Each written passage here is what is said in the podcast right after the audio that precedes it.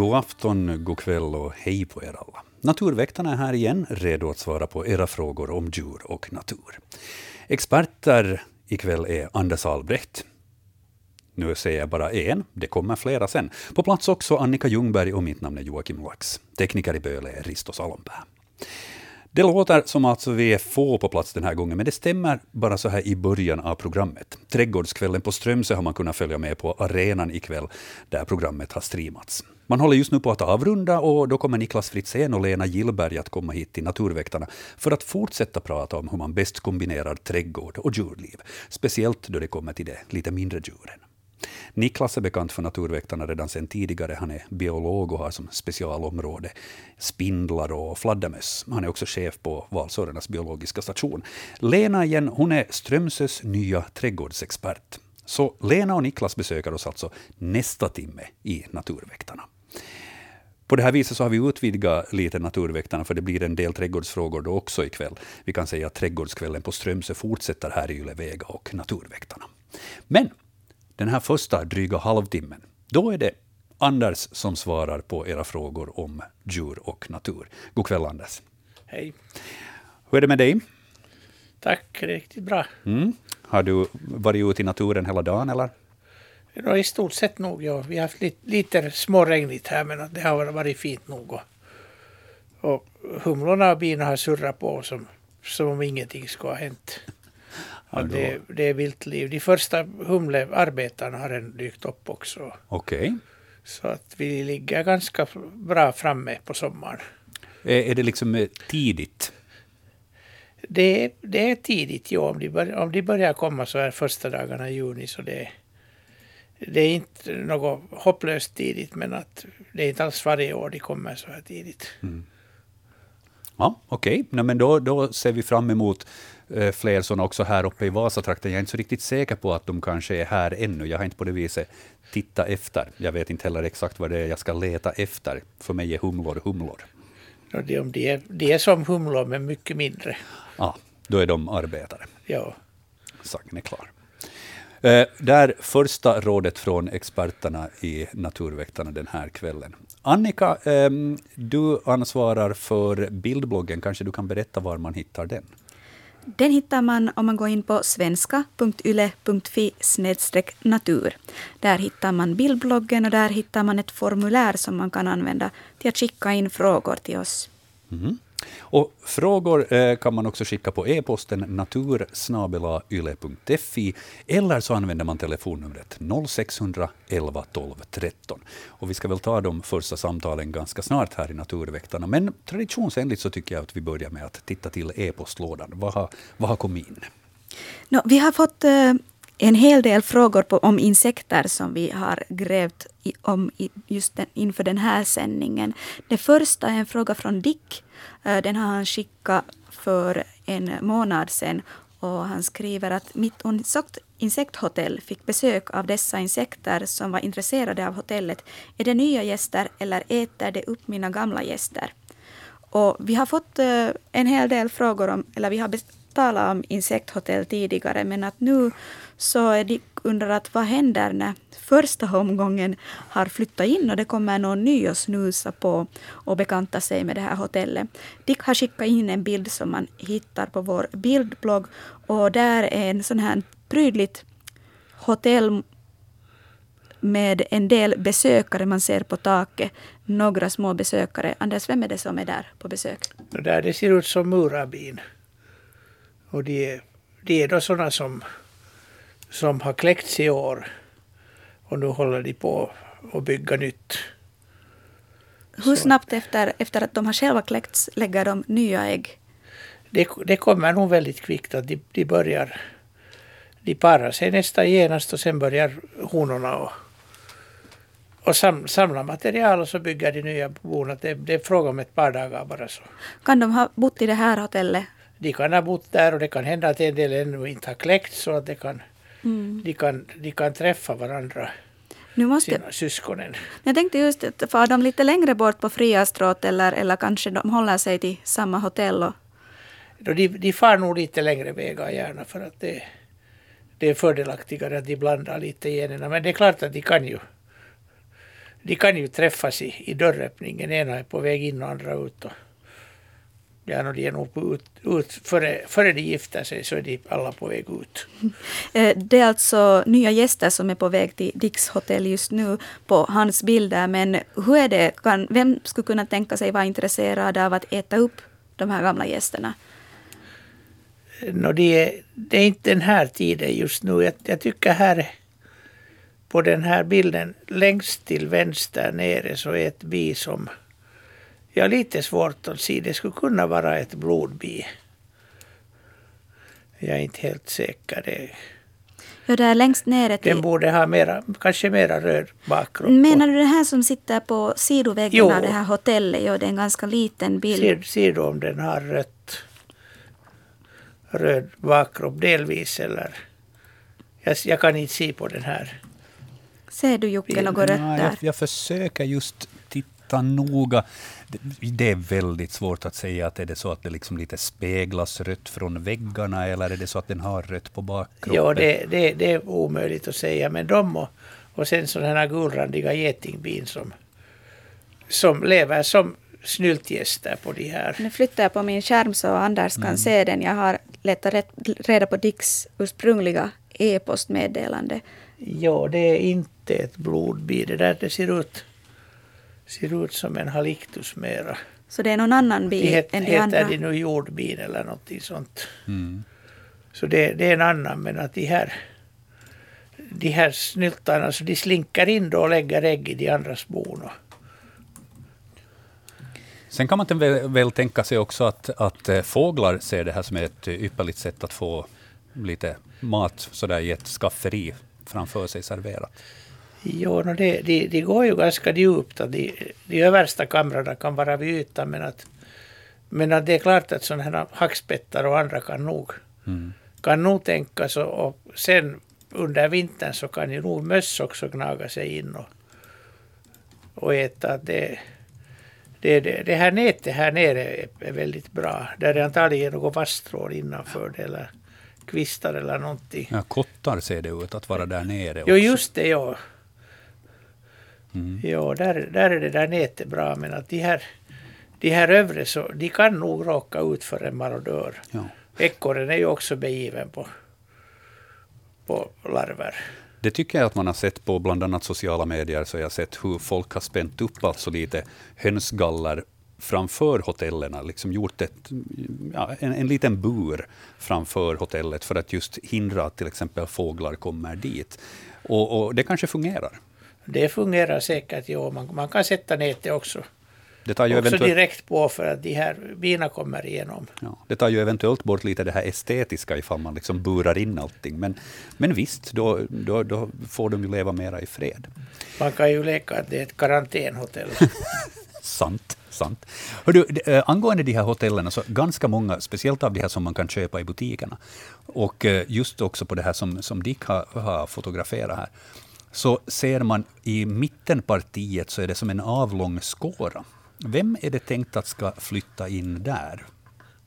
Eh, liksom, vem, vem är, vilka gäster är det som man siktar på att ska, ska flytta in i den här sviten? Ja, den där röda träbiten på mitten där, det sticker ut lite strån också. Ja, för ja, att, så det där har jag aldrig Ja, märkt ens. Nej, jag har alltid tänkt att, är det liksom tänkt att en fjäril ska komma sidleds flygande som i en James Bond-film in där, eller vad är, vad är Ja, är det, är det öppningen till någon springa in eller är det, Det- grundfåra? Ja, det, det, är en, det, är en, det är en springa som går in, liksom in i ett tomrum där. Och eh, då vet jag inte, det är liksom tänkt att det ska vara just åt några större insekter. Ska man fylla det där tomrummet själv med någonting, eller vad, är- vad är tanken? Det är nog, tanken är nog säkert att de ska gå dit och, och övervintra. Mm. En del kanske bygger bo också. Inte, inte fattar de ju alltid alls vad man har tänkt sig för dem. Att jag har åtskilliga gånger så när jag satt upp holkar så bygger de bo på taket istället.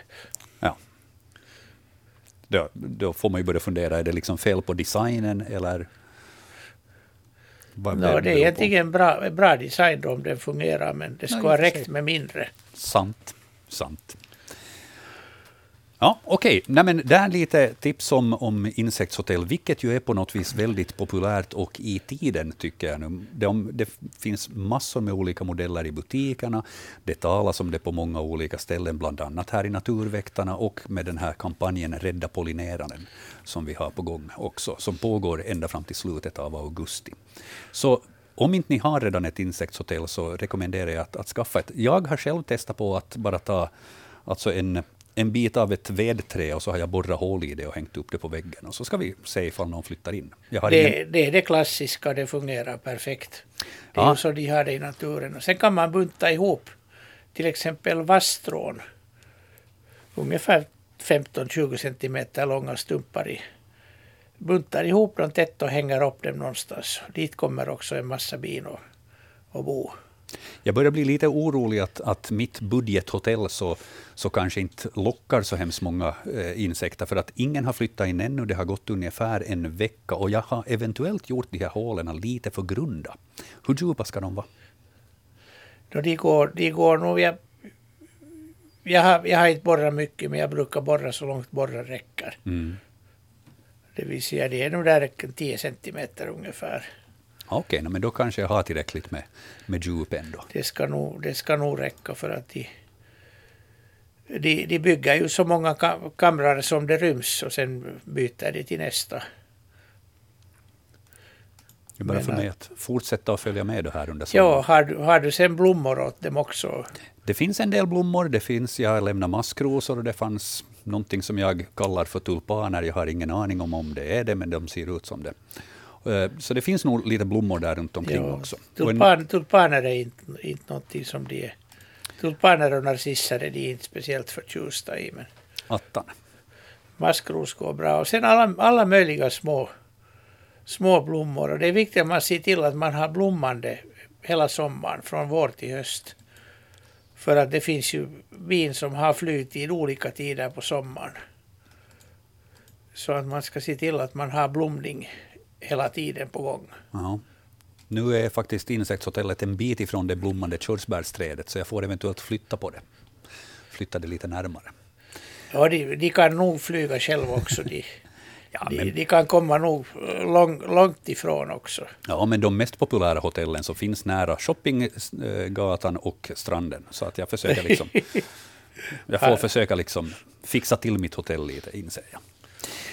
Det är om insektshotell nu. Eh, kanske vi går vidare i e-postskörden, men jag ska passa på att säga att 0611 12 13 är alltså telefonnumret man kan ringa också ifall man vill ställa en fråga här under sändningen.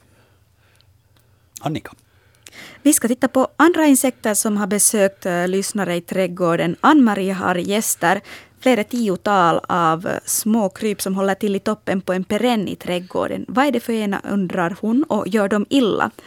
Och det här tittar man på de här växterna så ser man, ja det är svårt att säga hur stora de här växterna är. No, de här baggarna är en centimeter.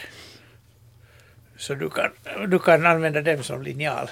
Och de har dessutom gradering så att de har millimeters gradering längs kanten. Ja, de har ett sånt här röd, bru, rödbrunt med lite gröna inslag, ett sånt här kantigt skal. Men längs med kanten mitten. Eh, på vissa ställen så är det svartvitt, svartvitt, svartvitt på randen. Och har de samma mönster på, på antennerna också? De har lite samma, ja. Det är antenn... Lederna är, är så, så, att säga turvis svart och vitt. Eller varje led har vardera färgen. Vem är det här? Den här kallas hårig bärfis. Det är den här klassiska klassiska gammaldags äkta bärfisen. Dolichoris baccarum. Den som, som man som barn åt med smultron. med stort nöje och, och annars för att de eh, nu har det ju kommit en del nya bärfisar så nu är den inte lika ensam mera. Men... Har den varit alltså ganska ensam som representant för bärfisar här hos oss tidigare? Nu har vi, nu har vi haft flera men att eh, vi har nu ett par andra som som har blivit vanliga och rikliga. Och, så att en, en sån här klump som består av bara en art är egentligen ganska sällsynt. Utan vanligen brukar det vara ett par, tre arter i hopen. Men att det här, det här är den där grund, grundfisen eller vad man skulle kalla den. Gör de något illa? Det beror på vad man menar med illa. De, dels så smakar de ju illa och luktar illa. Om man tänker från den här växtens synvinkel, är de här och kalasar på någonting att äta? De, de kalasar på det mest näringsrika de hittar, det vill säga eh, blomknoppar, unga frön och sen bär och frukter. Nå, det ser ut att de har hittat en blomknopp i toppen på det den här här är växten. antagligen en hel klase blommor som håller på att utvecklas. Och, och den kommer nog inte att blomma lika vackert som den skulle göra annars. De suger ganska mycket. Du var inne på det här med att, ähm, äh, att jag menar, det är en, en, så att säga en standardfis, ska vi kalla det. Men, men jag fick alltså frågan av ett barn, att varför heter det bärfis? Är det så att de fjärtar? Ähm, hur är det? Alltså de luktar illa, men är det så att de alltså pyser ut lite flatulens? Nej, det, det är inte flatulens utan de har ungefär vid basen av bakkroppen på undersidan så har de på vardera sidan en sån här körtel som avsöndrar det här stinkande ämnet och sen en liten gång som kommer ut. Så de sprutar ut en liten droppe när de blir störande, störda. Att när man, just som man sätter smultronen i munnen så då öppnar de kran. Så att det, det, är inte, det är inte fråga om, om äkta fis men att det är klart i folk, folkmun blir det ju gärna gärna det att någon, någon men sen, sen det är ju det förgasas ju mycket snabbt så att det, det känns ju på långt håll att man, man behöver inte ha det i munnen men det är effektivast på det viset. Skönt, nu har jag ett svar att ge nästa gång jag får den här frågan. Hörni, eh, vi har kvällens första samtal. Vi får säga god afton. Vem är det som ringer? God afton, god afton. Det är Martin här. Jag ringer från Degerö, Ingo. Ja, hej Martin. Och hej, hej. Och det här, tack för ett väldigt trevligt program. Det, det är mina favoritprogram i Vegas. Om jag kan börja med det. Vet du, trevligt. Tack. Vi försöker. ja, ni, ni inte bara försöker, utan ni gör det bra. Uh, en sak, jag, jag hade lyxen nu att komma, komma till stugan här just när sommaren började, det vill säga sista maj och första juni var jag här. Så, så en sak som jag bara skulle fråga nu i dessa masktider, eller inte mask som dagmask utan de som har framför ansiktet så, så e-, en, en fråga. När man kommer till stugan så i, i vår stuga åtminstone har sorkarna eller mössorna vad det haft alltid ett party. Alltså där tydligen. Och det, det, det, de här små, vad man säger på finska, papanat eller små, alltså sådana bajsgrejer överallt. Ja. Så min fråga, ja, så, så min, min, min fråga är det att, att, att hur, hur, alltså jag och min fru, vi, vi, har, vi ska städa, vi har våra fördelningar och, och en av oss är mer känslig än den andra, kanske jag, men, det här med, men hur, hur farligt är de här torkade då, små sorkbajsarna som man ska då föra iväg? Ska, ska man ha ansiktsskydd och så här eller, eller är det bara någonting att dammsuga och sopa undan? No, det, oftast är det bara att dammsuga och sopa undan. De lever inte många veckor de här, de här bobborna där. Men okay. det kan ju hända att det finns färska, om det är skogssork så är ju, är ju sorkfebern ja, nog en, en riskfaktor och det, det är ju inte trevligt. Vi har precis samma sak i stugan och det är uttryckligen skogssork vi har. Ja. Så att att man får nog vara lite försiktig och ska man ha mask på så ska det vara en ordentlig mask. Just så. Just en så. sån här medicinskt godkänd, inte någon sån här Black and Decker mask som man har som hindrar motorsågsspån att komma in. Okej, okej. Jo, ja för det, det är liksom det, det, är det där för, första jobbet innan man kommer till stugan så jag, jag tänkte bara liksom att, att om, om om, om, om man nu ska normalt sätta huset i skick så, så det här det att, att, att eh, hur, hur försiktig ska man vara? Just jag tänkte på den här sorkfebern, jag hörde just om, om storyn om när man går och städar lider och sånt att, att det, det, det, finns de här riskerna då, ja. Ja, nu ska man vara lite försiktig och sen, sen alla, alla, alla ställen där sorkan har varit, alla madrasser och täcken. Man känner ju på lukten var de har varit. Så det, det är Okej. nog bara att tvätta dem omedelbart. Man ska inte börja använda dem direkt i att sova i. Då tror jag risken är, är ganska överhängande. Okej, okej. All right, det var, det var det jag ville veta för att jag ska kunna sova i lugn och ro på mina madrasser här. Tack. Tack Martin, det var en intressant fråga. Det är säkert någonting som har varit, det, är, det är säkert många som funderar över det här varje år. Och sen i något skede Ja. tar man bara mod till sig och sopar undan och tänker no, men vi vädrar lite. Ja, men visst, nu när man ändå har ofta masker redan färdigt köpta och sånt, så vi rekommenderar att man använder en sån. Okej, Bra, all right. tack för ditt samtal. Tack ska, Tack. ska ni ha. Tack. Hej. Jo, hej. Jag tror vi fortsätter med ett samtal till här medan vi ändå är på gång. Vi säger god afton. Vem är det vi har med oss? Hallå. Ja, hallå? Hej, det här är Anita Grönqvist i Borgå. Hej Anita. Jag undrar vad vi ska göra. Vi har nämligen fått små kaniner under, under vårt, vårt eh, här, vi har sån där på bakgården ett sånt där litet skjul och där, där det där, där har kommit små kaninungar ut. Igår såg vi dem första gången och, och det, så sa grannarna sa att det, det är en citykanin. Men inte har vi väl i Borgå citykaniner? Det verkar som om ni skulle ha det nu. Ja, Tyvärr, ja det, det är inte roligt alls. Men nej vad ska där, man göra? Det, det är någonting som vi nog inte ger råd om. Nej, Att- det, det att- menar det. Att gö- göra, göra sig av med djur är inte, är inte vår sak. Nej, Men, jag förstår det också. fast vi inte vill ha dem heller. Men att, Nej, det är så tokigt. Vi tycker de är så söta och goda och äter klöver här från gräsmattan och, och det där och ja, de, de, de det kan bli ett sånt, sånt otyg nog att jo. Tänk att vi har kommit hit till Vårberga. Vi bor i Vårberga i egna hemshus. ja, det är nog bara att gå till stadens, vad det nu är för hälsovårdsmyndighet och, Jaha, och säga att nu kommer ni hit. just det.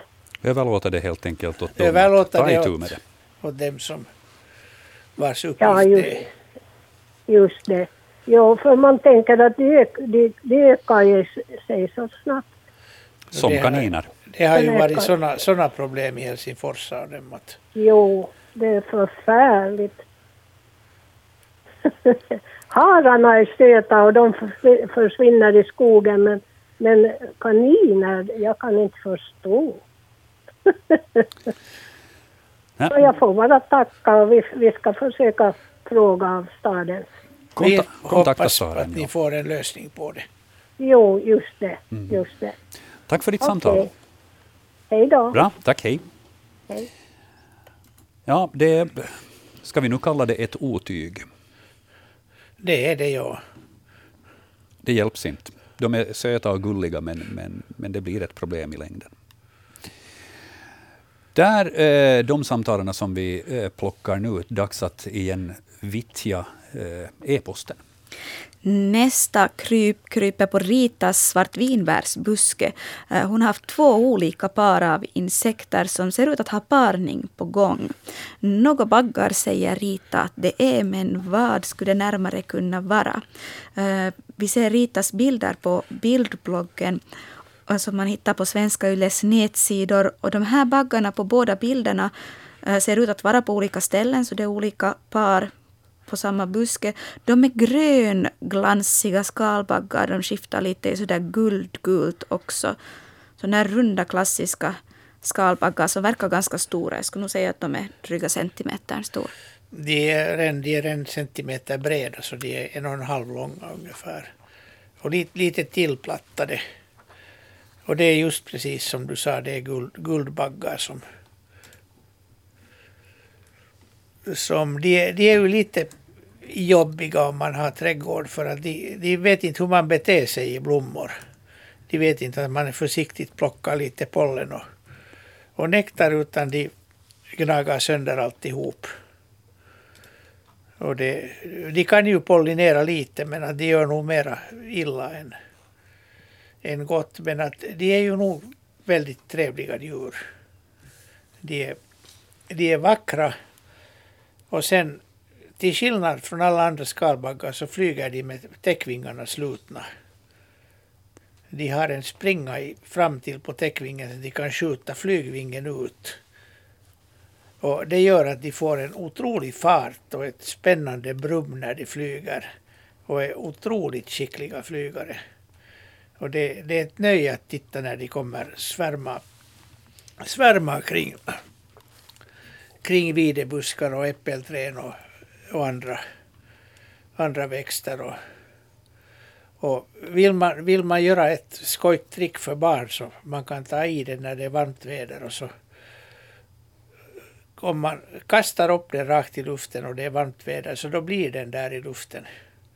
Den faller inte ner utan när den kommer som högst upp så fäller den ut vingarna och så flyger den iväg.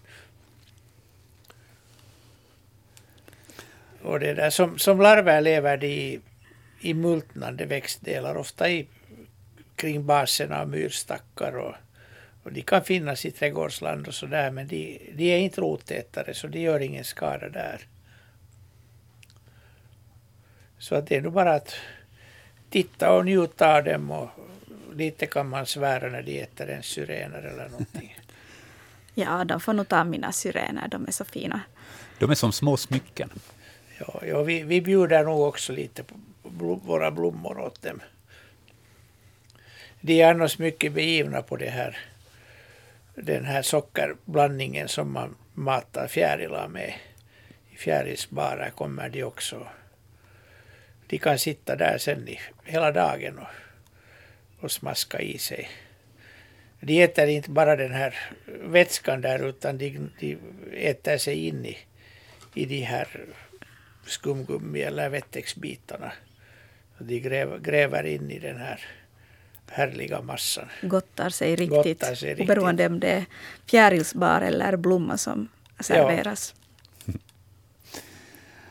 Hörni, eh, vi har ett eh, samtal till, tio minuter i en timme klockan, så vi hinner ta det här också. Vi säger god afton. Vem är det som ringer? God afton, god afton. Leo, jag ringer från, från Kokkola för tillfället. Hej Leo. Det? Hej. Ja, jag har en, en lite annorlunda fråga. Jag har varit, varit med om, om en del naturupplevelser under min korta livstid, men, men äh, märkligaste ändå som jag har varit med om var skedde i Larsmo skärgård förra sommaren. Jaha. Och äh, det var så att vi var en, en sen kväll så körde hem från en billo med en båt. Vi var ett gäng på, vi var fem, sex personer i båten och så var vi väst, vi var mot Inderbergskärs uh, hamn skulle vi fara och så var vi, Eh, minst minns inte vilket håll vi var väst om, men vi var ganska på uppe i vattnet. Det var, det var fjärde åt båda sidorna, en två, tre kilometer. Och så såg vi att någonting rör sig i vattnet. Var solen var ännu tror jag att ännu var uppe och vi, så, vi tänkte att okej, okay, här var en orm eller någonting där på vattuitu som sen mark. Vi brukar ju mellanåt fara och sen så saktade vi ner farten och så kom vi närmare och, och så är det en orm? Nej, nej, nej, snart älg eller vad, vad det skulle vara. Och så till sist så, så det var riktigt fast i vid båten så, så kom man in i sidan på båten och så, så var det ett möss, alltså en mus som, som var på vattnet, eller en sork. Och jag har, jag har, alltså, jag har inte sett något liknande. Jag begriper inte. Han håller på att springa på vattnet. Brrrr. Och, eh, Alltså den simmade inte, utan den var ovanpå vattenytan. Alltså, han var, han, jag tyckte att det var ovanpå vattnet. Han färdas ganska snabbt då. Alltså, han var nog ganska rapp i, i farten. Så jag tror att han må- måste ha, jag vet inte hur snabbt mössa springer annars, men, men är, det, är det här som helt kutym att de vallfärdar vanligtvis på vattnet eller vara, vara riktigt på något sätt riktigt speciell hisa exemplarer? Eh, De, de simmar ju gärna men att de, de, de springer nog inte på vattnet. Hur stor var den här? Så, jag måste säga att jag minns inte. Han var ungefär kanske, eh, kroppen var en 28 cent. 28 Ja, så det- 8 cent är kanske lite taj. Ja, ja, ungefär som en hand eh, knyter med en bred. Under 10 cent ändå. Såg du hur lång svans den har? Nej, minns jag inte. Det skulle kunna vara en 10-15 cent. Åtminstone. En råttor var inte, men jag kan inte säga om jag var möss eller sork. Har jag inte helt. Jo. Att det finns en ade djur i skärgården som skulle kunna vara. Som, är, som Nej, så där stora djur hålls nog inte på vattenytan. Så det Nej, måste, men, man, man skulle tycka... Oj, oj, men ja, det ja, där, om den har sån där hurriga fart så det, vattennäbbmusen är ju nog den snabbaste simmaren av alla. Vem sa det? Vattennäbbmusen. Okej, just så. Och den ja. är, den är svart ungefär. Den är nog inte väl riktigt 10 centimeter. Men där, där den klassen Ja, i alla ja, fall. precis. ja, precis. Ja, men han, han var nog, alltså, eh, Leo skulle inte ha hostat med i farten och Leo kan nog ändå säga en del. Han var nog snabb alltså faktiskt.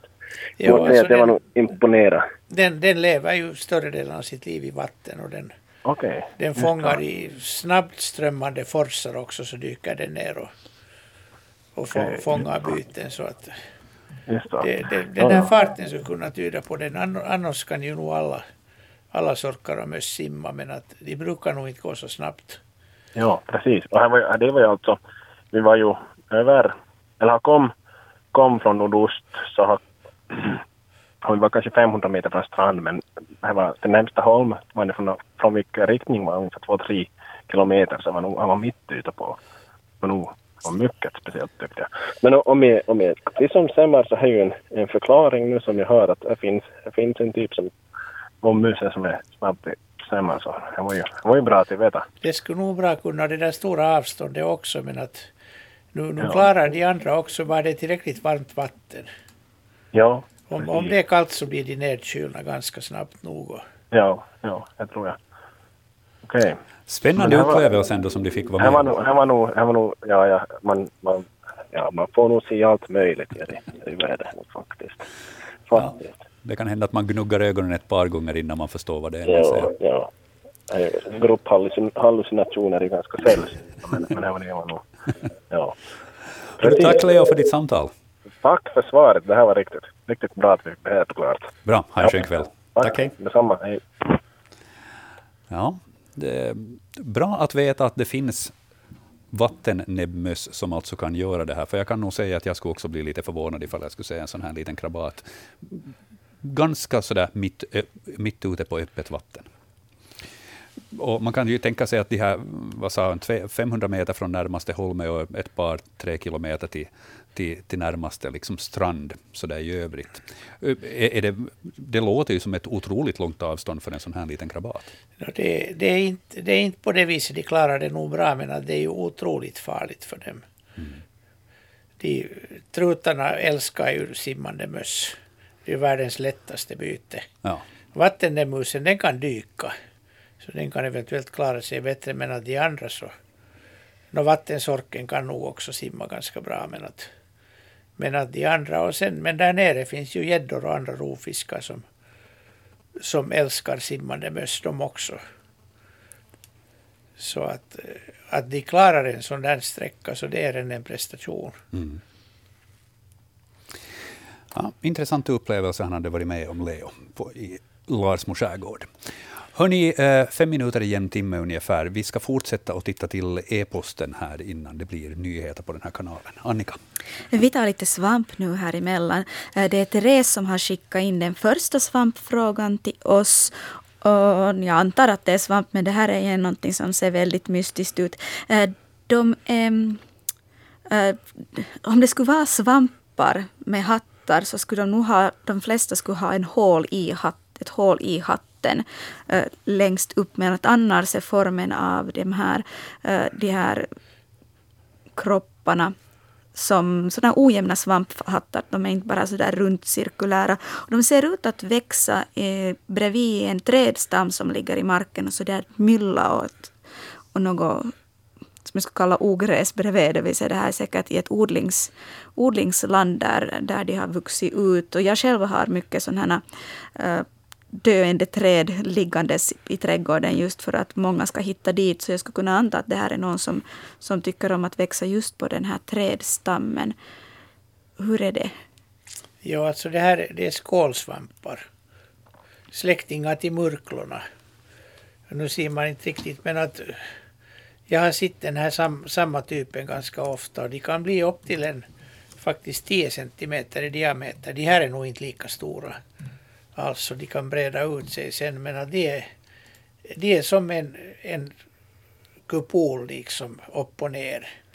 Och, och har en liten fot ner till och översidan består det som vi ser här inne i hålet. Så det, där sitter hymenia, alltså den sporbildande delen. Det vill säga säckar, sporsäckar hos de här eftersom de är skålsvampar som är säcksporsvampar. Det är som att ta en svamp och ta loss foten från hatten och vända på hatten och sätta den tillbaka upp och ner. No, på sätt och vis, ja. På sätt och vis sådär. Och sen får man nog ändra ganska mycket annat också. Och det där, det finns jättemånga av de här. Och vanligen så krävs det mikroskop för att bestämma dem. Så att jag vågar inte säga någonting om, om vilken art det är. Det finns, det finns i alla färger, ljusa och mörka och grannröda och granngula. Och ärggröna och vilka färger som helst. Och håriga och kala. Och, och de där stenmurklan är ju också en, i princip en sån här som har, men den har bara så att säga vänts av i den här skålen. Att den här sporbildande delen blev på utsidan och, och hopskrynklad. Och det där, om man, om man låter den vara en stund och sen petar till den så kommer det ett moln av sporer upp ur den. En sån där puff av sporer. Och har man öra intill så hör man ett sånt här susande ljud. Jag vet inte hur bra det är att få mörkelsporer i öronen. Det kan ju hända att det börjar växa svampar där. Men, men någon gång kan man försöka för det, det är intressant. Och eh, de här växer ofta på organiskt material som, alltså som multnar, inte själva mullen. Och de, de inte, växer inte ihop med några speciella träd eller annat utan de, de bryter ner ved och de bryter ner, till exempel om man har lagt tidningar under i, i trädgårdslandet så får man ofta av de här.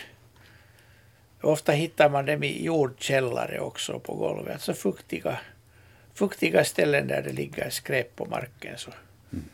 hittar man de här. Skålsvampar sa du? Ja. ja. Hörni, Snart blir det nyheter här i Yle Vega. Nästa timme i Naturväktarna då har vi besök av Niklas Fritzén och Lena Gillberg som kommer från nyligen avslutade Trädgårdskvällen på Strömsö som man har kunnat följa på arenan ikväll. Lena är nya trädgårdsexperten på Strömsö och Niklas är ju bekant för våra lyssnare som expert på spindlar och fladdermöss. Så att säkert tal om det i nästa timme, men mycket annat också.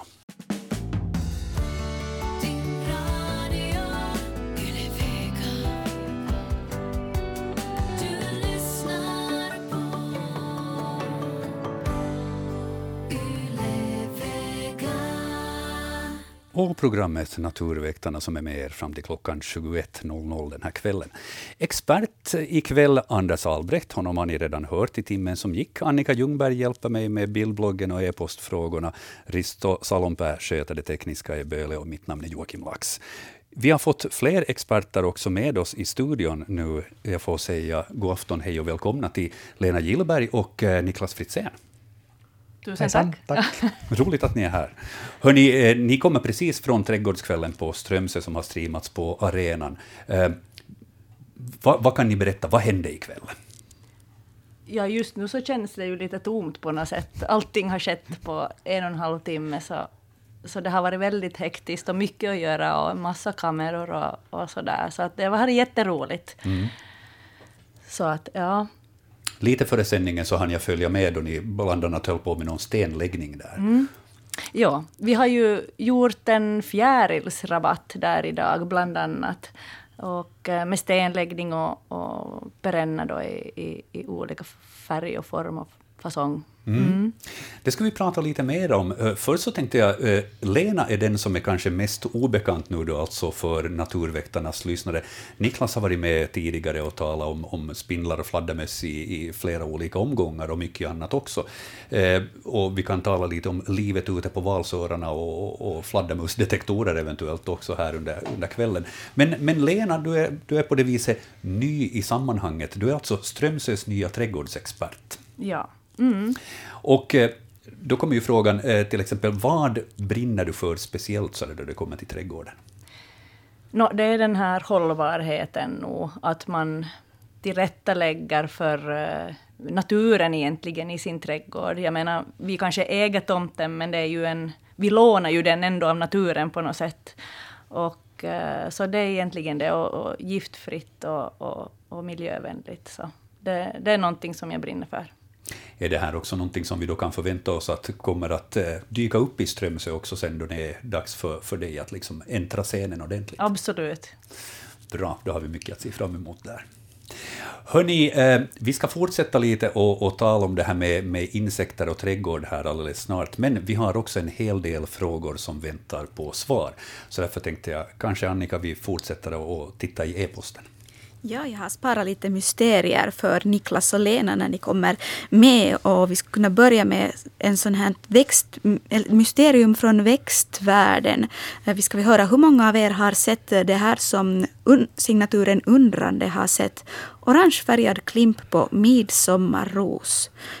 Eh, den här bilden finns på bildbloggen som den här signaturen har skickat in. Och på midsommarrosen så ser man ett blad som äh, mår kanske lite dåligt och som är del av en klump med orangea kanter. Och det är lite svårt att urskilja vad det är här och vad som har hänt.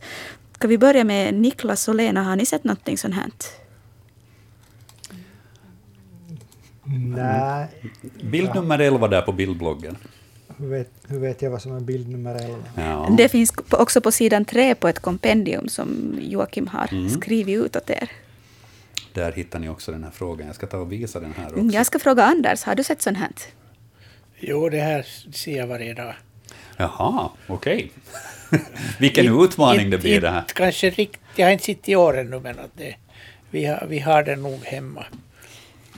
Är det, är, det, har det, är det någonting som rosen har hittat på eller är det någon från växtriket som är inblandad?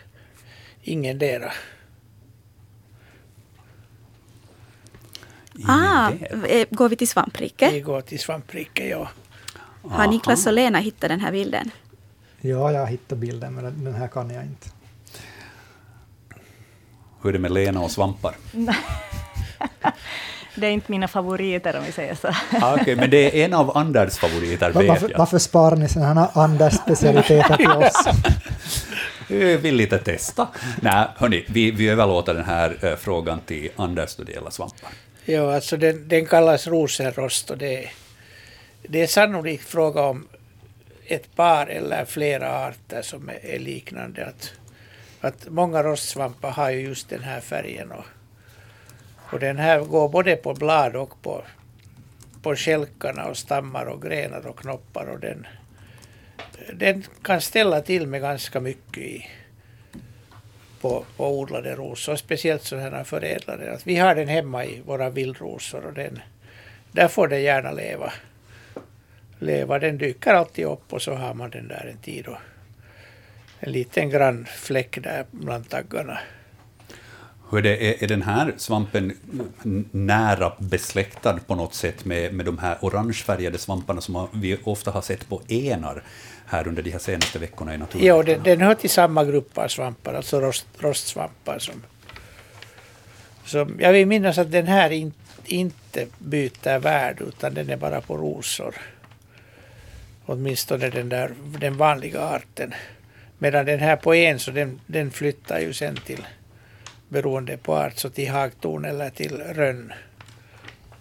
Men att de här, det finns lik, liknande på till exempel en, en på brakved som vi ser nu, en bilder på bladen, sådana grannröda sådana som är när man förstorar så alltså det är som små gytter av skålsvampar. Vilket vi, vi kan inte se på den här men den, den består också av, av sådana små, små kammare som kommer att öppna sig som en skål. Och så kommer sporerna ur där. Är det som många fusionerade svampar? No, det kan man säga, eller det är egentligen en sån där klump där de kommer in. Att det...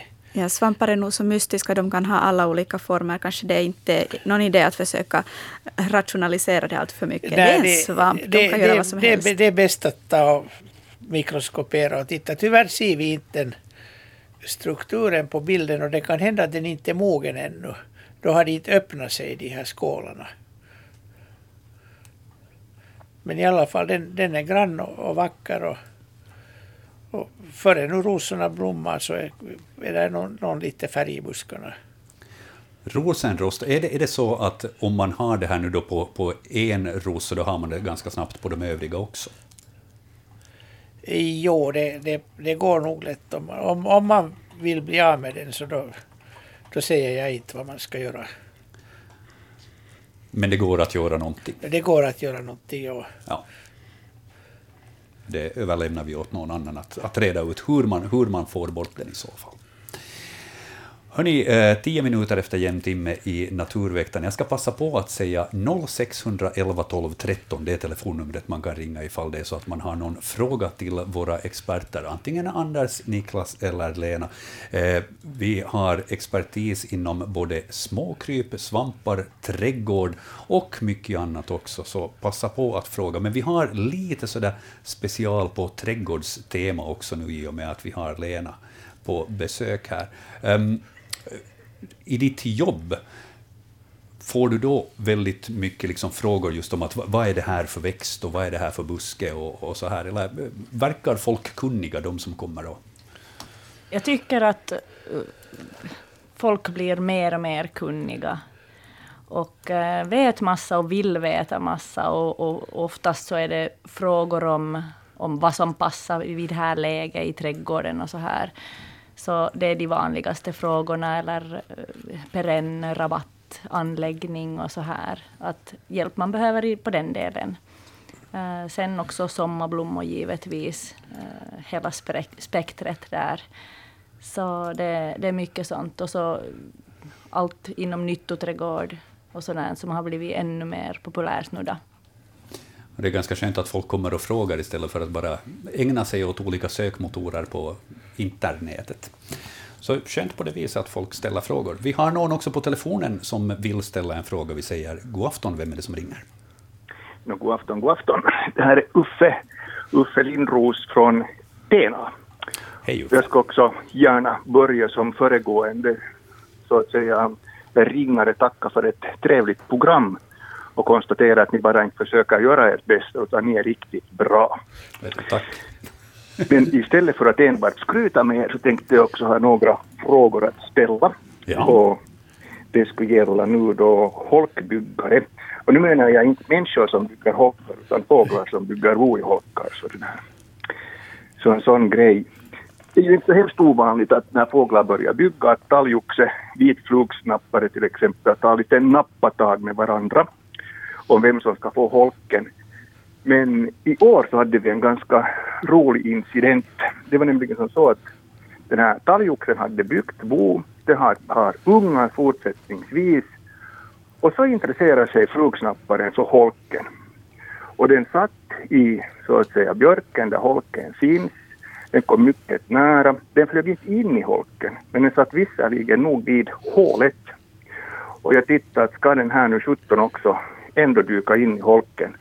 Men de här talgoxarna, de brydde sig strunt i den här flugsnapparen. De kom som missiler och flög bara in för att mata sina ungar och då fick helt enkelt vita flugsnapparen sticka åt sidan. Men ingen annan holk som var tom i närheten dög åt flugsnapparen. Och nu undrar jag, liksom, vad, vad, vad, vad försiggick i den här flugsnapparens skallen? Jag kan inte gå in i holken, instinkten säger att där är ungar jag ska gå in i holken så att jag tar livet av ungarna för att få den åt mig själv. Eller jag kan inte gå in i holken för då kommer talgoxen och ger mig på käften. Så då liksom, har ni något svar på en sån här fråga? Bra fråga för det första. Tack Uffe för den. Eh, ska vi kolla, eh, Niklas, har du någon teori? Nej, fåglar kan vara lite knepiga. Vi hade en, vi hade en blåmes som häckade i en holk hemma på vår gård och då satte jag upp en, en holk alldeles intill åt flugsnapparen tills den skulle komma. Men den holken dög inte utan den ska absolut i den holk som, som blåmesen var och det var nog blåmesen ja. som fick jag vika. Mm. Men, ja, men varför den då? Nej, inte har jag något riktigt bra svar på din fråga. Nej, Ja. Alltså det är ju vanligt med nappatag förstås, tycker jag då när de tävlar om holken, men är det så vanligt att när den ena redan har ungar, att de då också liksom tävlar om samma holk? Vad säger Anders? De, de kan nog det. Alltså, flugsnapparen är ju en skurk. Mm. Den, den, den kommer ju lite senare och då har ofta mesarna ungar. No, jo. Och, det där. och om det i början, om de har ägg eller nykläckta ungar, så då går flugsnapparen utan vidare och slänger ut alltihop. Mm. Men sen när de har kommit längre så då, då har de mesarna satsat så mycket att då ger de sig inte mera.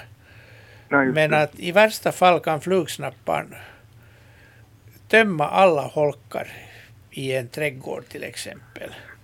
Och så det. väljer den den bästa. Ja. Eller ja. som den tycker att är den bästa. Och sen Ja. kan den ju dessutom locka honor till flera av de här så att den kan ha en tre, fyra honor Ja. med, med bo och sen normalt så brukar det, då har den bara hjälpa till och mata i en holk. De Ja, andra får då vara en ensamförsörjare och sköta sig själv. precis. Men att, så att blåmässen är lite svagare nog än talgoxen. Den, den kan råka Mm. illa ut. Att, därför borde man med, holk, med hålstorleken gallra Ja. bort flugsnapparen ur, ur blåmässholkarna. Just det. Men talgoxe och flugsnappare har ju samma hålstorlek så där, där går det Ja. inte. Nej, precis, precis. Jag har kanske nu här på stugan, ett, eller vi har 13 nya holkar, eller nya och nya, de har nog varit redan, det här är tredje sommaren, men, men i fjol var alla bebodda, men i år är det faktiskt som så att jag har bara i fyra stycken bon. Det, kan det ha någonting med en kall vår att göra, eller här har det varit kallt i varje fall. Så det där. Jag tror inte det. Vi, jag, har, jag har ett 40-tal holkar och de är alla bebodda. Okej, Och Hur- okej. Hur har du tömt dem? Nej, jag har inte tömt dem. Och det var faktiskt en fråga, att hur borde man tömma dem varje höst? man borde tömma dem varje vinter. Just, okej. Nu kan man på hösten också när det är varmt och skönt men att då är ju lopporna också vakna. det allra bästa att ta när det, när det är tillräckligt kallt så att man, man inte blir helt ner, nerloppad. Det kan ju vara 300-400 loppor i en holk. Oho. Och det där. Och man kan tänka sig att om en fågel kommer in i en holk och den kryllar av loppor så kanske de inte väljer att bygga bo där. Nej, precis. Precis. Så det är nog, Ja. det är nog bra att putsa dem. Och Ja. Jag har byggt, mina nya holkar har jag gjort nu så att jag har, jag har en, en lucka i sidan ja. som bara är fast med fyra skruvar som jag skruvar upp och så är det jättelätt Ja. att tömma. Mm. Man behöver mm. inte plocka ner holken. Nej, precis.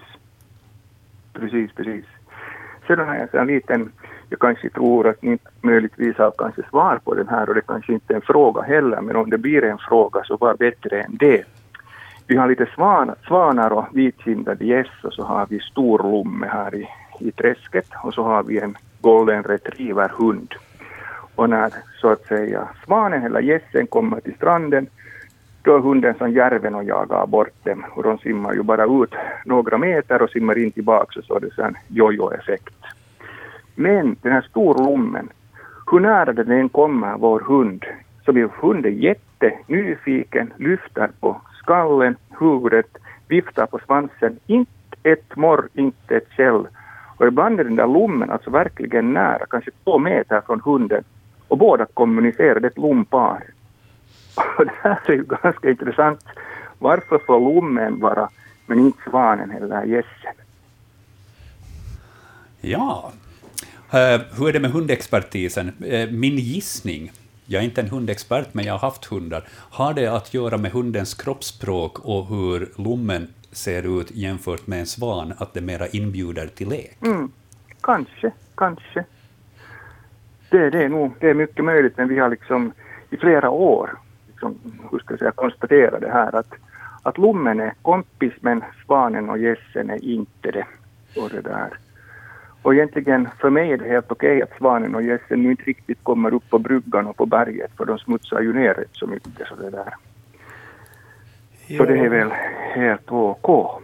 Det här, var, det här var helt nytt för mig det här med lommen alltså.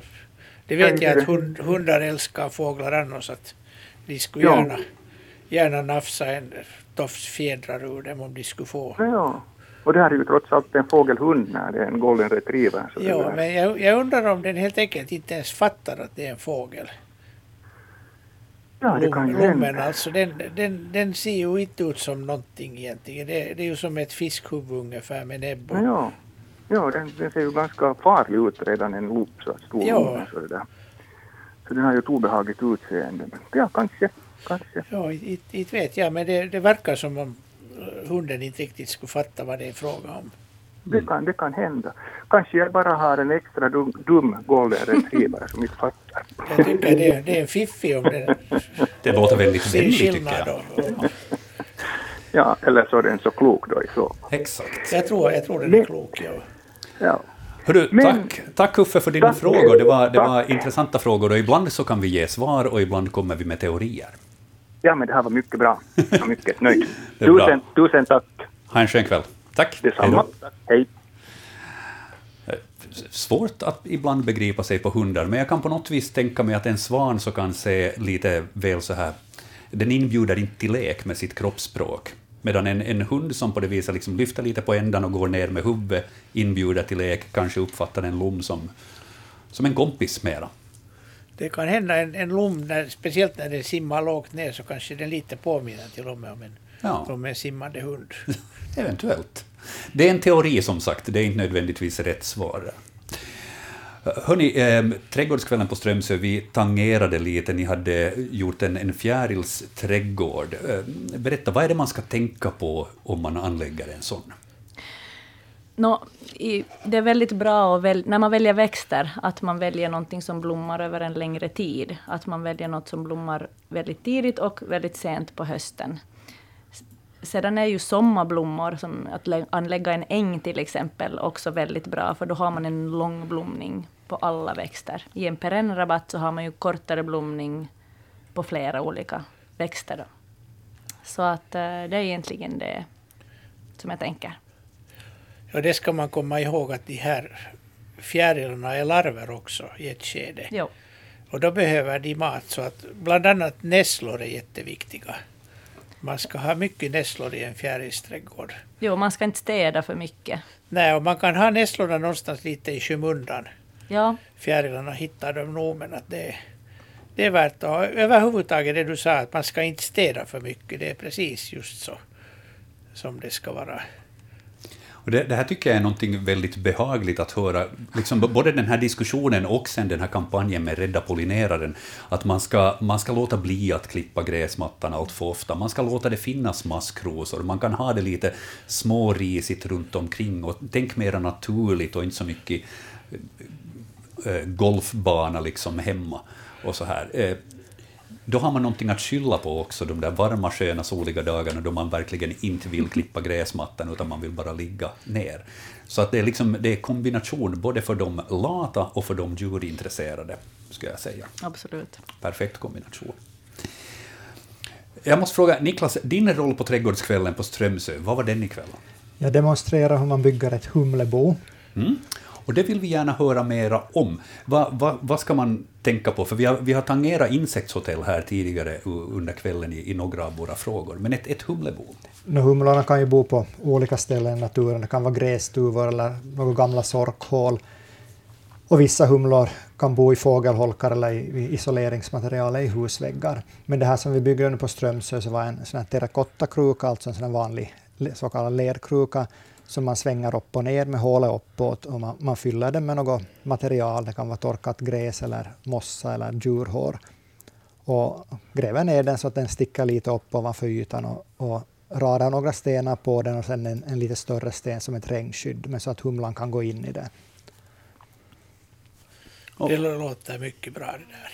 Ja, det är otroligt. För det första är det billigt och väldigt simpelt. Och I alla hushåll så finns det en, en lerkruka gissar jag. Och man behöver inte lita på att det finns mycket sork varje år. Nej, och här nu i Strömsö så hade jag faktiskt med mig lite sorkspillning för jag, jag vet inte om, om humlorna använder luktsinne för att hitta till de här sorkgångarna och kan lockas av sorklukt, men vi satte lite, lite sorkspillning i ett av de här bona. Jag har ju annars, jag var ju till en djuraffär och gick och frågade efter spånet från hamsterbur. Tror du att det funkar lika bra? Det är mycket möjligt, om det är så att humlorna faktiskt dras till gnagardoft. Ja, så det... Har Anders koll på det? Nej, det har jag inte.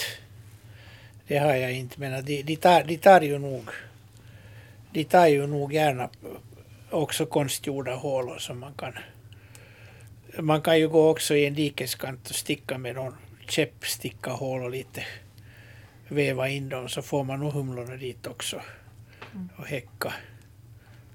Och det här kan ju vara ett trevligt litet tillägg till alla de insektshotell man bygger. Det, det får kalla dem små bungalows eller någonting liknande som hör till hotellkomplexet. Ja, humlorna är ju så mycket effektivare pollinerare än de här solitära steklarna. De är ju, de är ju samhällsbyggare och de, de finns nu. Drottningarna är väldigt flitiga nu och de första arbetarna kommer. Och sen kommer det att vara arbetare hela sommaren. Och sen kommer de nya drottningarna och hanarna på sensommaren ut. Och de alla bidrar till pollineringen så att medan de här solitära bina så de är ute en vecka kanske. Sen, sen är det förbi.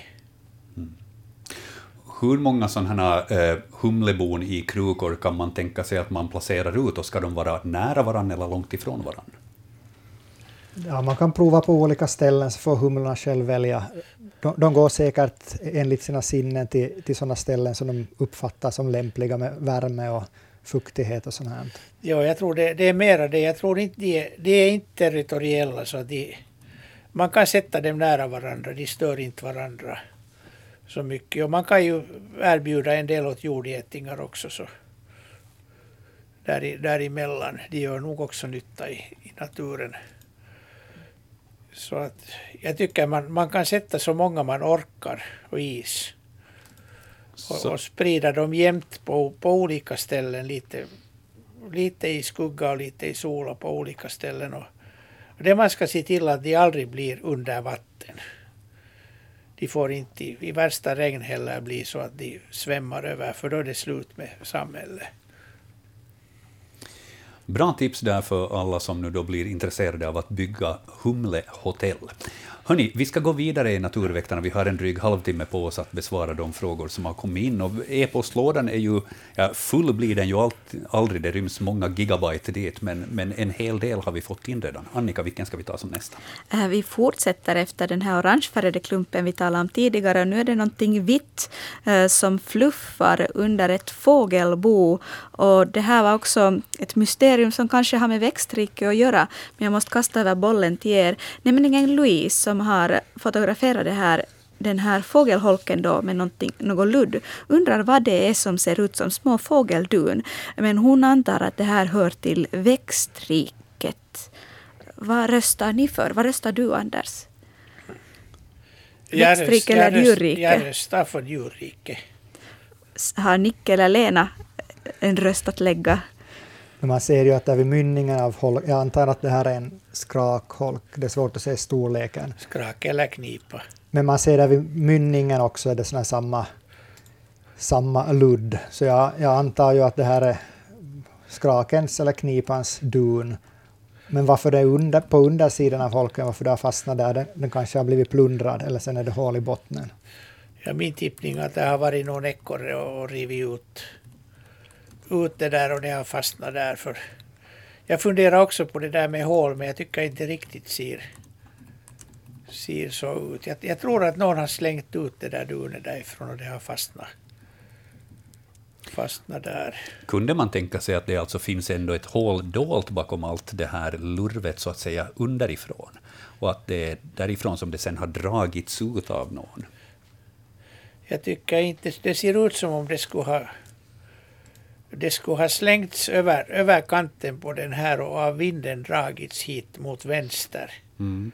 och fastnat där i botten.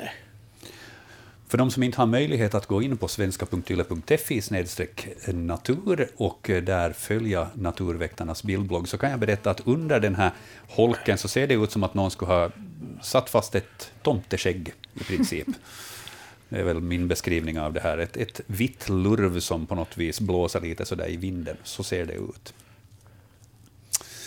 Ja, men okej, så teorin är den att det, det, har, det har kastats ut och sen fastnat och sen så har det byggts på och byggts på och byggts på helt enkelt. På nästa fråga behöver jag nu inte gissa vilken grupp av, av organismer vi ligger på. Det är, ett, det är en växt. Eh, det är en bild som Anna har skickat in åt oss. Hon säger att hennes syster Geta har ett vackert träd på sin gård och hon undrar helt enkelt vad är det för ett träd? Syster Igeta. Igeta. Ja, syster Geta. Ja. Bra att ni har koll. Men vad är det för ett träd? Vackert är det, det håller jag med om. Men vad säger expertisen? Det här, det här känns som en, som en fråga som vi eventuellt skulle kunna bolla över till Lena. Jag måste säga så där direkt så ser jag inte, inte vad det skulle kunna vara. Nu, ska, nu frågar jag om ser ni en bild eller två bilder? För jag har lagt till en, en andra bild som en närbild på de här blommorna som håller på att slå ut. Så då kan man få mera kännetecken av det. Om inte så ber jag Joakim, mm. eller den som har skärmen där, att uppdatera den här bildbloggen. Ja, vi har två bilder här nu på det här trädet med en närbild till höger. Så att man ser bladen lite tydligare och eh, och blommorna också. Det handlar ju om en buske där en syns en narciss, så jag skulle säga att den är nog högre än än alla än narcissen och högre än de flesta människorna, nu är den par meter. Men den har jättevackra rödaktiga blad som ser väldigt smala ut för de, de är ihopvikta. Och sen håller den på att slå ut i blom. Den har klasar av någonting som ser ut att bli vita blommor. Och de här klasarna sticker uppåt, eller liksom är uppåtvända. Eh, och hela växten är väldigt röd av sig. Det skulle kunna vara en amilanchier, men jag är inte... Ja, jag, jag skulle säga det. Säga det, men det, det är inte spicata utan det är någon... Lamarki skulle kunna vara den. Det kan inte... hända, ja. För att spicata har inte så här, riktigt så här stora klasar tycker mm. jag. Och när det är på Åland så kan det ju jo. finnas flera möjligheter. Exakt. Men, men de, de, är ju, de är ju nog jättetrevliga. Så häggmispel alltså, släkt? Ja. Mm. Hur kommer den här att se ut sen när den är sådär i sin fulla prakt? Den, den blir ganska så grön. Den här röda färgen försvinner. Ja, och vit blom. Mm. Så att blommorna är bara liksom i, i, i sin knopp här egentligen? I en knopp, ja. ja. Den heter häggmispel. Hur nära släkt är den till en hägg? De är samma, samma familj. De är ganska nära faktiskt. Men att hägg, häggmispel är den som vi inte tror att det är, utan det är en, en annan mispel. Men inte, inte en så kallad äkta mispel. Utan det är en melankier. Inte en äkta mispel, okej. Okay. Det... Alltså det, det är ingen mespilus utan det är en, en amelankier. Vad skönt, nu, nu förstår jag nästan vad det är. Ja, men okej. Okay det är svårt när man inte förstår sig på träd och, och, och, buskar desto mer annat än att de är vackra eller, när de, eller, eller mindre vackra. Men, men, men som ni säger, det, det, kan, det kan hända att det på Åland så finns, och just i den här trädgården så kan det finnas sånt som kanske inte ni vanligtvis stöter på så här på fastlandssidan. Funkar i zon, zon 3-4 som vi, som vi är här i. Just det, mm. okej. Okay. No, men, eh, svar där åt Anna och, eh, och hennes syster kanske främst, som, som nu kanske då vet vad det är för buske hon har i sin trädgård. Fint. Hörni, eh, vi tittar vidare i e-posten innan vi tar nästa samtal. Ja, jag passar på att utnyttja den underbara expertis som vi har med idag. Och nästa eh, så tror jag bollen hoppar och, och studsar mot Niklas Håll. Det här är en, två bilder som jag fått inskickade av Roland och han beskriver ett spännande möte. Han skriver så här. Hej, jag såg ett stingfly fastna i ett spindelnät idag på morgonen. Spindeln kom, med en kom och bekantade sig med bytet som av kanske lite ovanligare slag. Efter fem sekunder flyr spindeln, ser det ut som. Den släpper sig ner via tråd till marken där den till min förvåning blir liggande. Följer båda en stund. Stingflyet kommer loss och vandrar eller flyger vidare. Spindeln ligger kvar. Jag plockar upp den för att se om den bara spelar död. Jag sätter den på en handske där den ligger kvar lika stilla efter två timmar. Vad kan ha dödat spindeln så snabbt? Den här stingflyn sprider ju en stark lukt när den blir anfallen, men det är väl inget giftigt. Vi kan börja med att fundera på, vi talade om stinkflyn här tidigare. Är det, kan vi anta att det är någon form av stinkfly som Roland har sett vara i farten? Ja, det, det är nog den här, när hon talar om den här lukten. Lukten och vi har ju några arter stinkfly som är rovdjur. Och de, de ger sig på stora byten. De kan ge sig på fjärilslarver som är 15 gånger större än dem själva. Och jag kan tänka mig att när en sån fastnar i ett nät och spindeln kommer dit om den stick, sticker hål i spindeln och sprutar den full med, med matsmältningsenzym så, så blir inte spindeln långlevad. Hypotesen är rätt, men jag tror inte att den lyckas sticka den här spindeln. Ja, du tror inte? Nej, det här är en steatora bipunctata, Jo. eller fett, fettspindel, och den är ju otroligt skicklig på att fånga sina byten. Den, den kommer inte, har den ett farligt byte i nätet så kommer den inte i närheten av byte, utan den börjar dra ut trådar med sina bakben och överöser byte med, med trådar, utan att alltså komma i närheten av det. Okej, dit får den teorin. Och, och sen när den har spunnit in den, så då närmar den sig försiktigt och biter i någon utsträckt extremitet, en antenn eller ett ben och sprutar in gifter för att bedöva byte. Så jag, jag du, har, tror jag, inte, du tror inte den kan komma i vägen för den här nej, stinkflyets sugsnabel som kan vara över en centimeter lång? nej, jag tror inte att den får, den får inte den, det skulle borde vara ett spjut så den skulle sticka ut. Den här sugsnabeln fälls ju ut. Ja, Ja, men ja. Den, är, den är ledad, den kan också stick, sticka ut. Det beror på hur den blir. Men jag, jag har svårt att tänka mig att den ska ha lyckats sticka den här. Jag har slängt så mycket hästmyror och annat farligt Ja. i, i, nät på de här. De är så otroligt skickliga. Ja, Så jag, jag, jag förstår inte varför den skulle ha fallit i marken. Och dött, ja. Det är klart att de, de, fäll, de här fäller sig till marken när de blir skrämda av någonting. Men, men då brukar de inte dö. Nej, och, och ty, tydligt så kom det där stinkflyet loss sen. Ja, no, det kommer de ju nog om inte spindlarna. Om de inte hinner få det ordentligt in, Ja. inbakat. Kan den ha blivit, den här spindeln överraskad att stinkflyet var väldigt löst fast i nätet, att den ändå har liksom lyckats överrumpla spindeln? Nej, men den här, den här spindeln är inte ens... Alltså det är vissa spindlar attackerar ju byte genom att rusa på det och hugga käkarna i det, men den här gör inte det. Den närmar inte sig byte på det sättet. Vad var det du sa att den här heter? Eh, Fettspindel, Steatora bipunctata. Och fettspindeln kan man tänka sig att den spelar död i mer än två timmar. Nej. Den, den, jag tycker den ser död ut här Ja. på bilden. Den ser inte spelande ut. Eller så är det en mycket dålig skådespelare. Eller väldigt bra.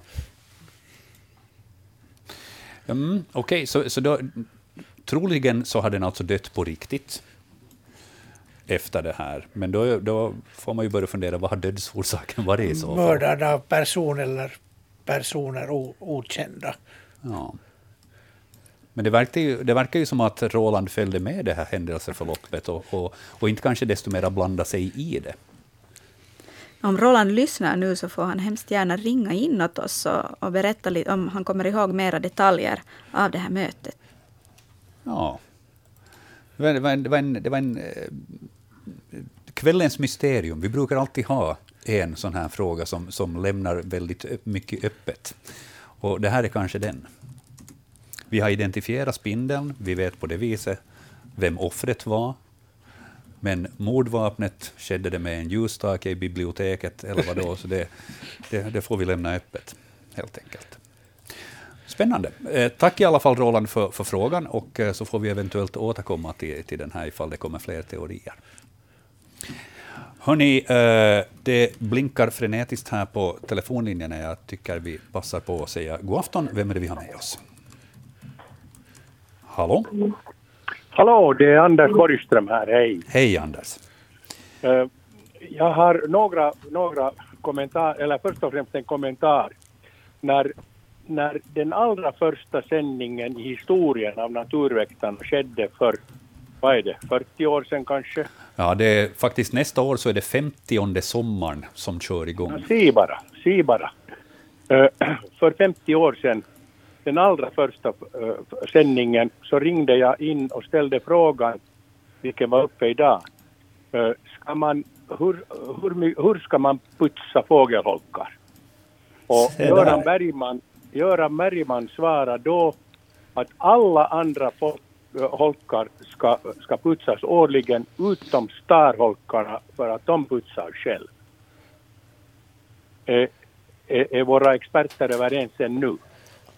Nej. Hoppsan, någonting har hänt på 50 år. Berätta Niklas.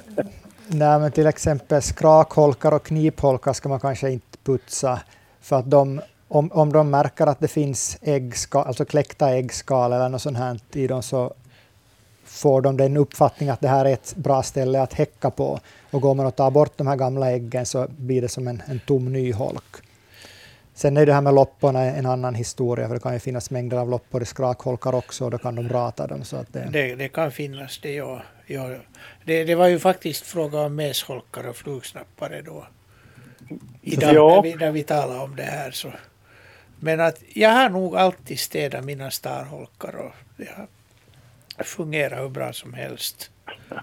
För jag, har okay. inte, jag, jag hörde inte den sändningen. Ja, no, det, det, var ju faktiskt då en tid sedan. Jag var ganska liten då. Jag fanns nog. ja. Eh, det, där, eh, det, det, som man ju gör med, med, med skrakholkarna och knipholkarna är ju att om man putsar dem och tömmer dem så sätter man ju nytt botten, bottengräs eller någonting i så att, så att det är någonting att, att börja jobba på. Eller hur? Ja, det gör man, men det är ju inte samma sak som gamla okay. ägg som ligger, kläckta ägg och sånt. Men... Okej. Okay.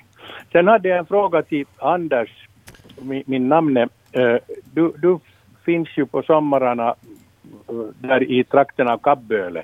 Ja, ja. Hur är det på Kabbölefjärden? Finns där ål ännu så som det fanns i tiden? Uh, jag har inte varit där så länge nu.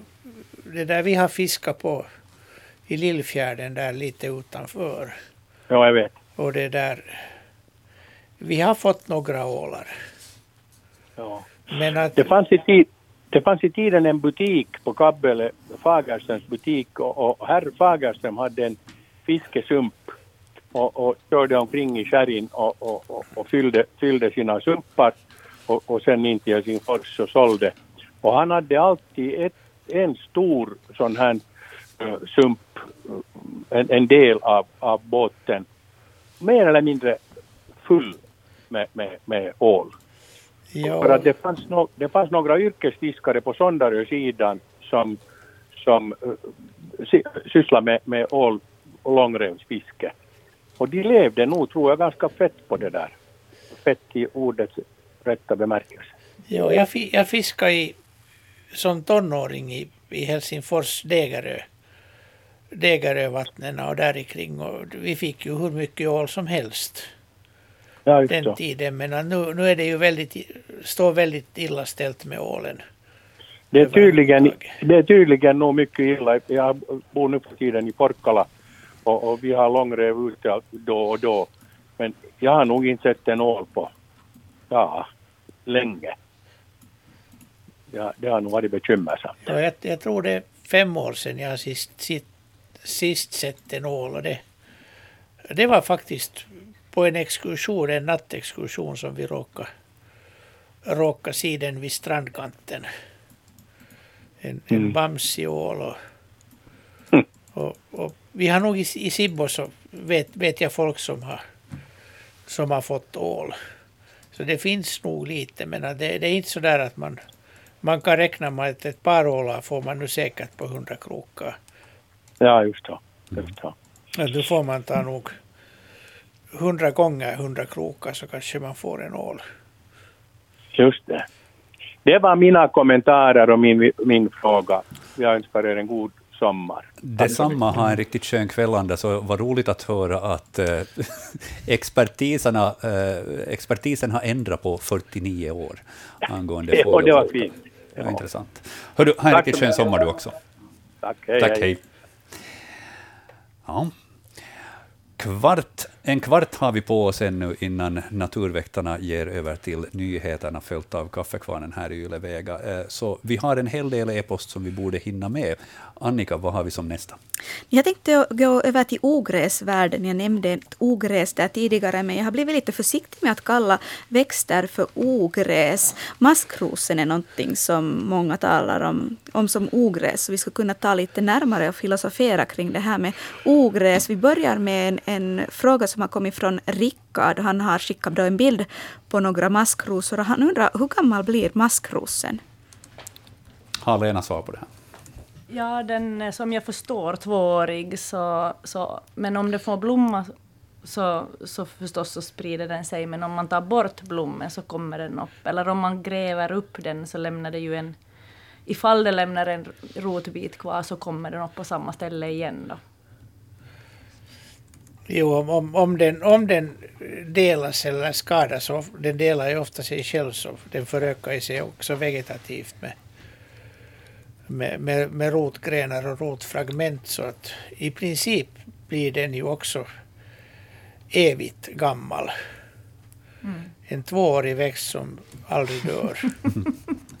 Men vad ska vi kalla maskrosen då, om inte vi kallar den ett ogräs? Jag menar, vissa kallar den för mat. Ja. Omat Nyttoväxt. Nyttoväxt. Den är ju en av de få egentligen blommor som blommar just nu. Jag menar med tanke på pollinerare så är den ju väldigt viktig just den är, nu. Den är, den är otroligt viktig nu. Man, man ska absolut inte klippa bort sina maskrosor. Om man nu inte råkar vara allergisk mot dem. Ja. Så att, mm. Men inte, inte behöver man väl kalla det något speciellt. Man kan kalla det maskros. maskros. Ja. No, det är just det, det, som jag har fått på känn att när jag först, första tanken är att ogräs, så tänkte ja, är det nu det? Behöver man kalla växter för ogräs? Ska vi säga att oönskad gäst på just det här stället? Ja, det är eventuellt. Och det blir ju absurt om man kallar gräs för ogräs, för det är många gräs som är ogräs också. Kärt barn har många namn. Den är ju väldigt användbar då. Du kan ju använda bladen och, och roten och blomman till och med. Och den är, den är väldigt, väldigt populär bland, bland annat nattfjärilar. Mm. En stor del av våra nattflyn så lever bland annat av maskros. Den hör till de här som fjärilsböckerna tidigare talade om, att de lever av låga växter.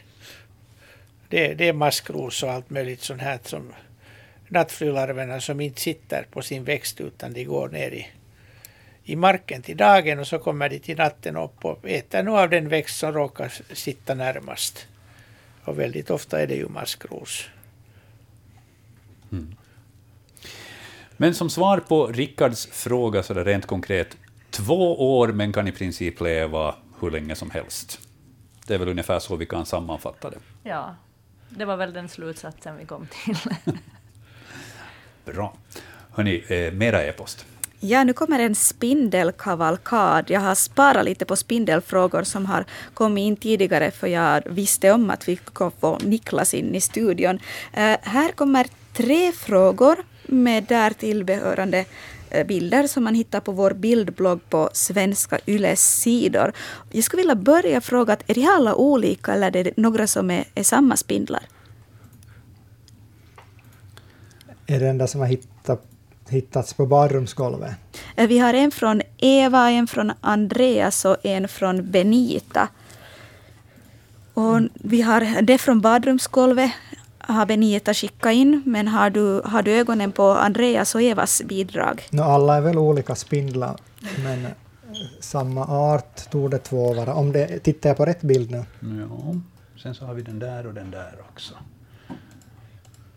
Ja, men nu pratar Annika om mm. de här säkert. Ja.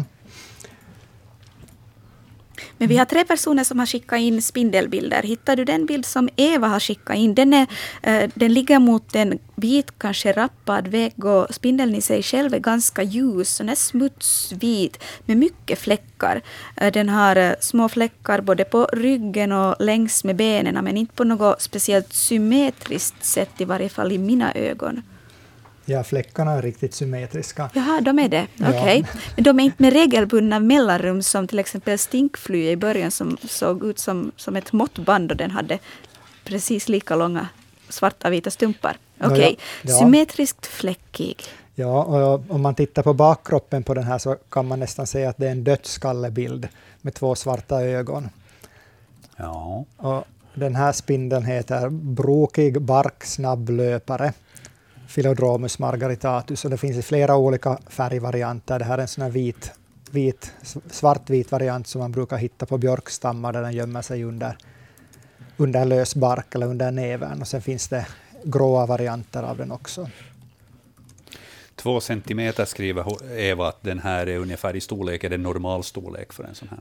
Ja, det beror på hur man mäter. Kroppen blir inte över en centimeter, men tar man med benen så, så blir den säkert två centimeter. Mm. Men det är en ganska stor och långbent art och väldigt snabb. Och, och platt, så den kan krypa in under i smala barkspringor. Huvudsakliga byte för den? Alla små insekter som den kommer åt när den springer på barken. Jag tänker sådana som gärna håller till på något vis vid björkar, förmodligen. Ja, jag, jag vet inte om den har någon specialdiet. Ja. Ja. Och inte, inte det är ju bunden till björk. Inte. Nej, men de här, de här svartvita ser man ofta på björk, björkbark. Jag, jag tycker jag ofta, ofta hittar dem bland, bland lavar på tall, tallstammar. Just den här svartvita? Ja, just Aha, den. Okay. Mm. Du får upprepa namnet en gång till. Det var brokig... Barksnabblöpare. Snabblöpare. Ja. Så det var det som Eva hade hittat. Vad hade vi för andra spindlar här då? Uh, Anders har hittat någonting som ser lite större ut. Med benen inräknade så blir det nog en um, tre och en halv centimeter. Uh, men den har också jag kanske överger, överlåter genast till Niklas att beskriva vad är det för slags kännetecken vi ser på den här spindeln som Anders hittar på ett industrigolv. No, den är ganska stor. Kropp, kroppen börjar närma sig 18 millimeter med ganska kraft, kraftiga ben. och Sen har den två längsränder på kanten av framkroppen och på bakkroppen så har den också längsränder, ljusa längsränder på sidan och sen ett smalt eh, ljust hjärtmärke, alltså inte hjärtformat märke utan det är ett märke där spindelns hjärta sitter eh, på fram, främre delen av bakkroppen. Och det här är, något sannolikt är det eh, den vanliga kärrspindeln men det finns också en skräddarspindel som ibland kan ha det här utseendet som är, är lite sällsyntare. Men antingen en kärrspindel eller skräddarspindel. Hur ser man skillnad på dem? No, skräddarspindeln så saknar oftast de här ljusa kantbanden, men den kan ha. Och sen har den lite, lite annan form på framkroppen. Men, men man förvillas också att tycka att den har bredare framkropp om den saknar de här kantbanden, för de här kantbanden gör att man tror att den är smalare, fast, fast kropp, framkroppen är ändå nästan lika bred. Mm. Kärrspindeln, är den som är så att säga vår största spindel här i landet? No, det är en av våra största spindlar, ja. Jag tycker det är den som man brukar se ibland bilder på, då någon har suttit i en kajak bredvid bryggan och har en stor spindel och funderar att har vi faktiskt så här stora spindlar i vårt land? De kan bli ganska imponerande. Ja. Vad talar vi om för storlek så för ett praktexemplar? Nå, närmare 20 millimeter blir nog kroppen, men med benen så ja, hanen kan ha lite ännu längre ben än honan, så de kan Ja, nu blir de ju upp till 6 centimeter åtminstone med benen. Mm. De kan ju, om, om man har den i en sån här vanlig 10 centis petriskål så fyller det nog nästan hela skålen. Ja. Ja, speciellt den här skräddarspindeln som är ja. lite större. Kärrspindel eller skräddarspindel? Nu sa du att två av de här spindlarna i den här trespindelskavalkaden eh, representerar samma art, så nu blir det spännande att höra. Benita, har hon hittat en, en kärrspindel eller en, en sån här snabblöpare? Eh, hon skriver så här. Hittade denna spindel i vårt badrum med golvvärme. Vi har haft många spindlar i vårt gamla hus men inte ännu någon så här stor. Vad är det för en spindel? Mm, ja, alltså det är ju olika spindelindivider på de här bilderna. Två av bilderna har säkert ja. samma spindelindivid. För på två bilder har den sju ben och på en bild har den sex ben. Ja, Benita har faktiskt skickat in eh, tre bilder. Ja, men de här två, två som bara har sju ben så torde vara den som kallas, eller heter eh, större husspindel på svenska. Det där med hu, är det det att man blir skrämd av den? Större hu-spindel. Hu-spindel, ja. ja, ja. Den, finns, den finns bara i större hus. Och, och, det är en art som nästan enbart förekommer inomhus i Finland. Sommartid kan man se den nog vid, vid stenfötter. På Åland har jag hittat den nog på, på stenmurar, men, men redan i Stockholmstrakten så lever den helt utomhus och vanlig i södra Sverige. Mm. Och det här är ju en, en normspindel, alltså om man räknar med benen så blir den 10 centimeter lång också, men då har den betydligt mindre kropp eller smalare kropp än en kärrspindel. Ja, då förstår jag att, att folk säger hu när de ser den. Det är en ganska imponerande storlek. Men, men det var alltså den ena större husspindel? Ja, den här som är på, där på vita eh, dörrkarmen, så den bilden är så otydlig. Var den också hittad i samma hus? Ja, Benita säger att det, det är en spindel som hon hittade i, i badrummet. Ja, men det är, inte, det är inte samma spindel på... Men jag, jag, jag, tror jag låter det vara osagt vad den där är, den är så otydlig. Mm, men någon, någon, form av gissning, en teori vad det kunde vara? Ja, alltså där, när man tittar snabbt på den ser den ju ut som den här Loxosceles leta, den här väldigt giftiga spindeln som finns på Zoologiska museet i Helsingfors. Bara så där. Du kan ta det riktigt lugnt Benita, det är bara en teori. Ja. Men går du inte att bada i alla fall? Uh, Okej, okay. men, men om det inte är den? Är det, är det liksom bort uteslutet att det skulle kunna vara fråga om, om samma art? Vad är det som gör att den inte hör till? Jag är bara så intresserad av vad, vad det är du tittar på när du snabbt kommer det till det här resultatet. Suddiga habit. Nej, men det är, det är någonting med allmänna utseende. Men jag ska inte, den är så pass suddig, den där kropp, själva kroppen på den. Så. Då, då kanske vi lämnar det helt enkelt som, en, som ett till mysterium för ikväll. Ja. ja. Hörrni, vi har tre minuter sändningstid. Det är inte mycket det inte. Vi hinner beta av kanske en fråga och, och lite diskutera kring den. Vilken ska vi ta, Annika? Jag tycker vi skulle kunna ta en fjäril som finns strax före knölen, det vill säga eh, bild nummer 10 på bildbloggen. Det är Sommarsavolaxare, signaturen, som skickar en bild, eller två bilder på två fjärilar och skriver att eh, de här hittades på dörrposten eh, och såg ut som vissnade löv. Det här eh, hittades i Nyslott. Då han rörde vid den övre kom det en ljusrosa fläck på vingen som försvann hastigt. Kroppens längd är cirka två centimeter. På den andra bilden syns ett blått öga på ena vingen. Vad är det? Nu gjorde jag en antagande om, om hens kön som hade skickat, skickat det där bilden. Men jag kan också göra ett antagande. Är det en han och en hon fjäril på bilden? Det är det ju. Som sitter ihop med bakkropparna. Det är det ju jag är övertygad om att Niklas kan svara på den här. Har Niklas hittat rätt bild? Ja, det är en videsvärmare. Ja. Och det är honan som är överst. Det är honan som, som är aktiv. Hanen bara hänger. Och honan har trindare bakkropp. Hanen är kanske nervös? Nej, den ser, den ser lugn och den, den har det ganska bra där tror jag. Ja, okay. Den här signaturen säger att det syntes ett blått öga på en av de här fjärilarna, men det syns bara på den andra bilden som, som också är inskickad, som är ganska suddig. Man ser en, en blå ring. Vad är det för någonting? Den har på bakvingen, vardera bakvingen ett sådant blått öga. Det, det är meningen att den ska bara visa upp det hastigt så att det blinkar. För att det, det har man konstaterat, till exempel hackspettar så skrämmer det nästan livet ur. Så den visar inte hela tiden Nej, men om, men om den blir störd så då blinkar den till. Med så det. då är det möjligt att den har försökt skrämma bort fotografen? Det kan hända. Ja, den, den känner sig oroad så, så gör den. Ja, man har faktiskt gjort experiment med det där och, och på en ganska kort tid så lärde sig hackspettarna nog att strunta i det där. Men i naturen så fungerar det säkert ganska bra. Videsvärmaren får bli den sista frågan som besvaras i Naturväktarna den här veckan, för vi är framme vid slutet. Vi får säga tack till Lena Gillberg, vi får säga tack till Niklas Fritzén och Anders Albrecht för expertisen ikväll. Tack Annika Ljungberg också för sällskapet här och Christos Alonpää som har skött det tekniska. Hör Naturväktarna i Ylevega igen nästa vecka, torsdag 19.22.